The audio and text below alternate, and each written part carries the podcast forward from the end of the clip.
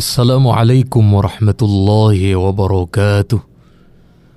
Alhamdulillah wassalatu wassalamu ala Rasulillah Sayyidina Muhammad ibn Abdullah wa ala alihi wa sahbihi wa mawala. La haula wa la quwata illa billah ma ba'd.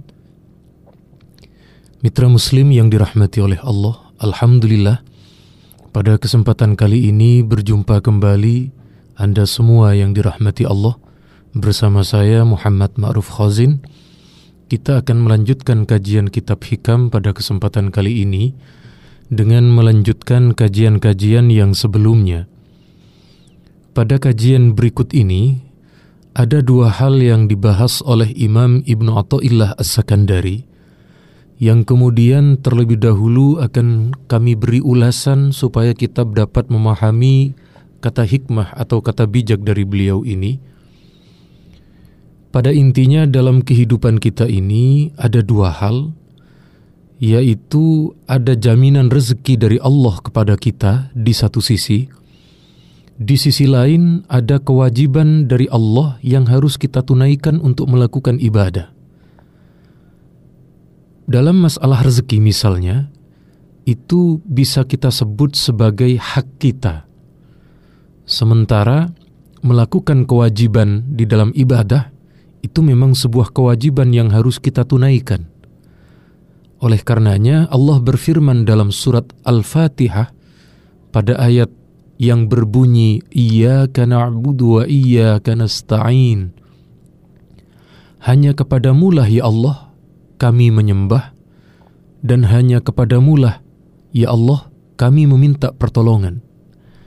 Dari ayat ini terdiri dari dua hal yaitu kewajiban kita beribadah kepada Allah. Kemudian berikutnya permintaan pertolongan kita kepada Allah.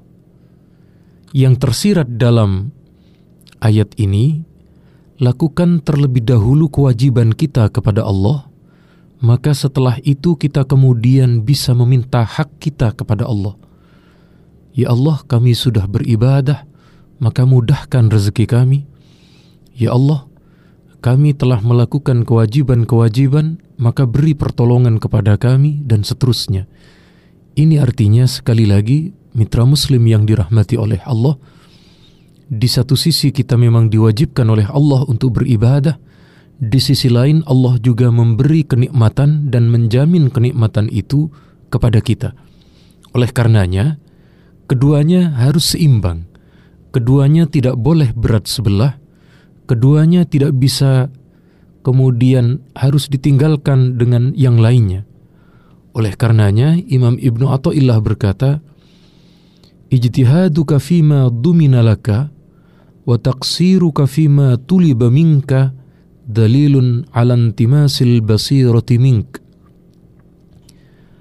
Anda yang sudah bersusah payah, yang telah bersungguh-sungguh berbanting tulang, menguras keringat, ternyata apa yang telah dijaminkan oleh Allah kepada kita, apa yang telah dipastikan oleh Allah kepada kita sementara kita berlebihan dalam mencarinya, sementara di sisi lain terhadap apa yang diwajibkan oleh Allah kita menyepelekan.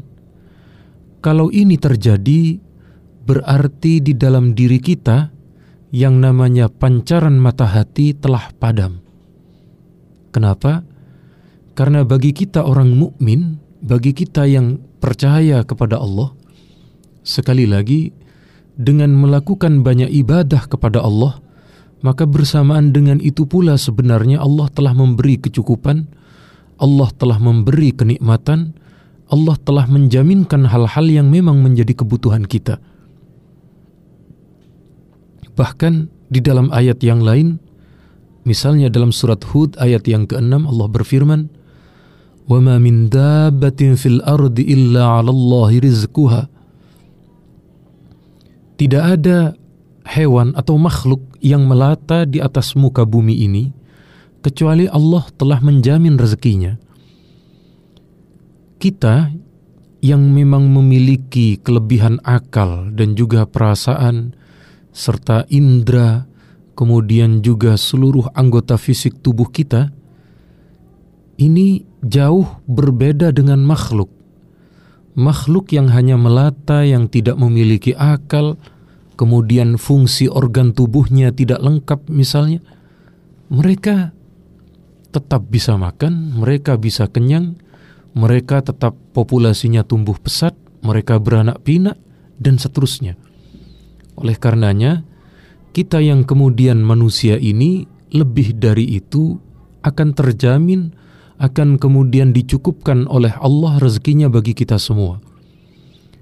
Ada satu hadis riwayat Imam Abu Nu'aim, Abu Nu'aim dalam kitab beliau Hilyatil Aulia bahwa Rasulullah Shallallahu alaihi wa alihi wasallam bersabda, "Lau anna ibna Adam haraba min rizqihi kama haraba minal maut la adrokah."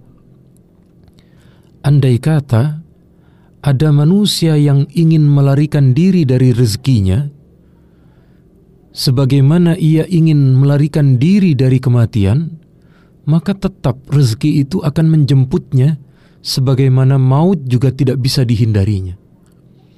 Subhanallah.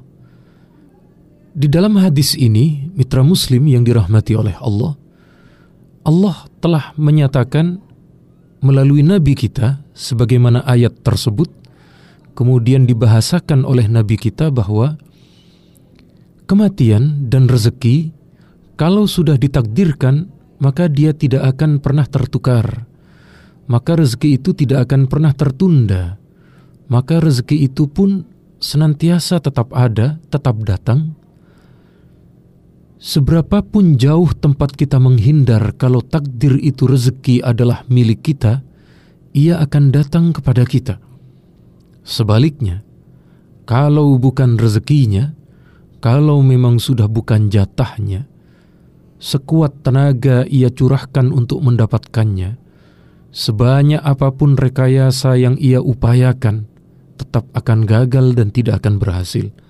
Oleh karenanya, pada makalah ini, Imam Ibnu Atta'illah menekankan bahwa manusia itu di dalam hatinya ada basiroh, ada pandangan hati, ada sebuah sinar di dalam hatinya itu, atau dalam bahasa lain itu istilahnya disebut sebagai kerentek dalam bahasa Jawa. Kerentek ataupun suara di dalam hati itu, kalau itu bersumber dari kebaikan yang diberi ilham dari Allah misalnya, maka itu akan muncul sebuah kebaikan dalam diri kita. Kita sering menjumpai ini, Insya Allah bagi orang-orang yang bertakwa basiroh ini merupakan sebuah hal yang ada di dalam hati mereka. Sekali lagi, ketika mereka terlalu besar, tidak seimbang mengejar-ngejar dunia, mengejar-ngejar materi, sementara ibadahnya ia lalaikan, kewajiban ibadahnya ia tinggalkan, maka basiroh itu padam maka basiroh di dalam hatinya itu sudah lenyap, sudah tidak ada. Oleh karenanya sekali lagi, dalam banyak hal kita selalu menekankan dan kita selalu untuk mengajak kepada hamba-hamba Allah bahwa kita semuanya harus imbang dalam dua hal. Oleh karenanya, ketika Allah mewajibkan ibadah solat Jumat, fas'au ila zikrillahi wa dharul bai' ketika dikumandangkan azan Jum'ah di hari Jum'ah maka tinggalkan oleh kalian maka datangilah untuk melakukan sholat Jumat dan tinggalkan semua aktivitas jual beli bukan hanya jual beli tetapi juga hal-hal yang berkaitan dengan keduniaan yang lainnya untuk kemudian kita beribadah kepada Allah kemudian kalau kita sudah menyelesaikan ibadah sholat Jumat itu, fantashiru fil ard. Baru kemudian kita semuanya keluar untuk menuju ke bumi Allah untuk mencari rezeki, untuk kemudian mendapatkan anugerah dan juga rezeki yang telah memang dijanjikan dan juga dijaminkan oleh Allah kepada kita. Mitra muslim yang dirahmati oleh Allah, sekali lagi, di dalam beberapa ayat yang telah saya ungkapkan tadi di atas, demikian halnya dengan beberapa hadis menunjukkan bahwa kita sebagai orang mukmin boleh dan dianjurkan untuk mencari harta yang banyak, untuk mencari mengumpulkan duniawi yang banyak, tetapi jangan lalaikan ibadahnya. Ketika waktu sholat, kita tunaikan sholat terlebih dahulu, baru kemudian kita menunaikan, kita mencari nafkah, kita mencari penghidupan, kita mencari rezeki dan fadl ataupun anugerah dari Allah yang memang oleh Allah diletakkan di atas muka bumi ini. Apakah di toko kita, ataukah di pasar, ataukah dalam bentuk skill dan keahlian kita, dan juga dari jalan-jalan yang kemudian tidak kita ketahui sebelumnya. Oleh karenanya, ketika kita mendahulukan ketakwaan, ketika kita mendahulukan kewajiban kita kepada Allah, maka saat itu pula Allah akan menganugerahkan rezeki kepada kita di luar jangkauan akal kita. Mayyattaqillaha yaj'al lahu makhraja wa yarzuqhu min haitsu la yahtasib. Firman Allah yang artinya barang siapa bertakwa kepada Allah maka Allah memberinya jalan keluar dan Allah memberi rezeki di luar yang ia sangka, yang tanpa ia sangka sebelumnya. Bahkan di dalam ayat yang lain, Allah juga menegaskan dalam surat Toha ayat 132, Wa'mur ahlaka bis salati wastabir 'alaiha la nas'aluka rizqa nahnu narzukuka wal 'aqibatu taqwa. Di dalam ayat ini firman Allah, Wa'mur dan perintahkanlah olehmu wahai Muhammad ahlaka terhadap keluargamu lissolati bisolati untuk melakukan ibadah solat wastobir alaiha dan sabarlah untuk tetap terus melakukan ibadah solat kenapa la nas'aluka rizqa. Kami tidak memungut rezeki kami tidak memungut bayaran sedikit pun kepada kalian. Nahnu narzukuka. Niscaya kami yang memberi rezeki kepada kalian. Ayat ini semakin menegaskan bahwa Allah lebih memberi jaminan rezeki kepada kita manakala kita telah melakukan ibadah kepada Allah.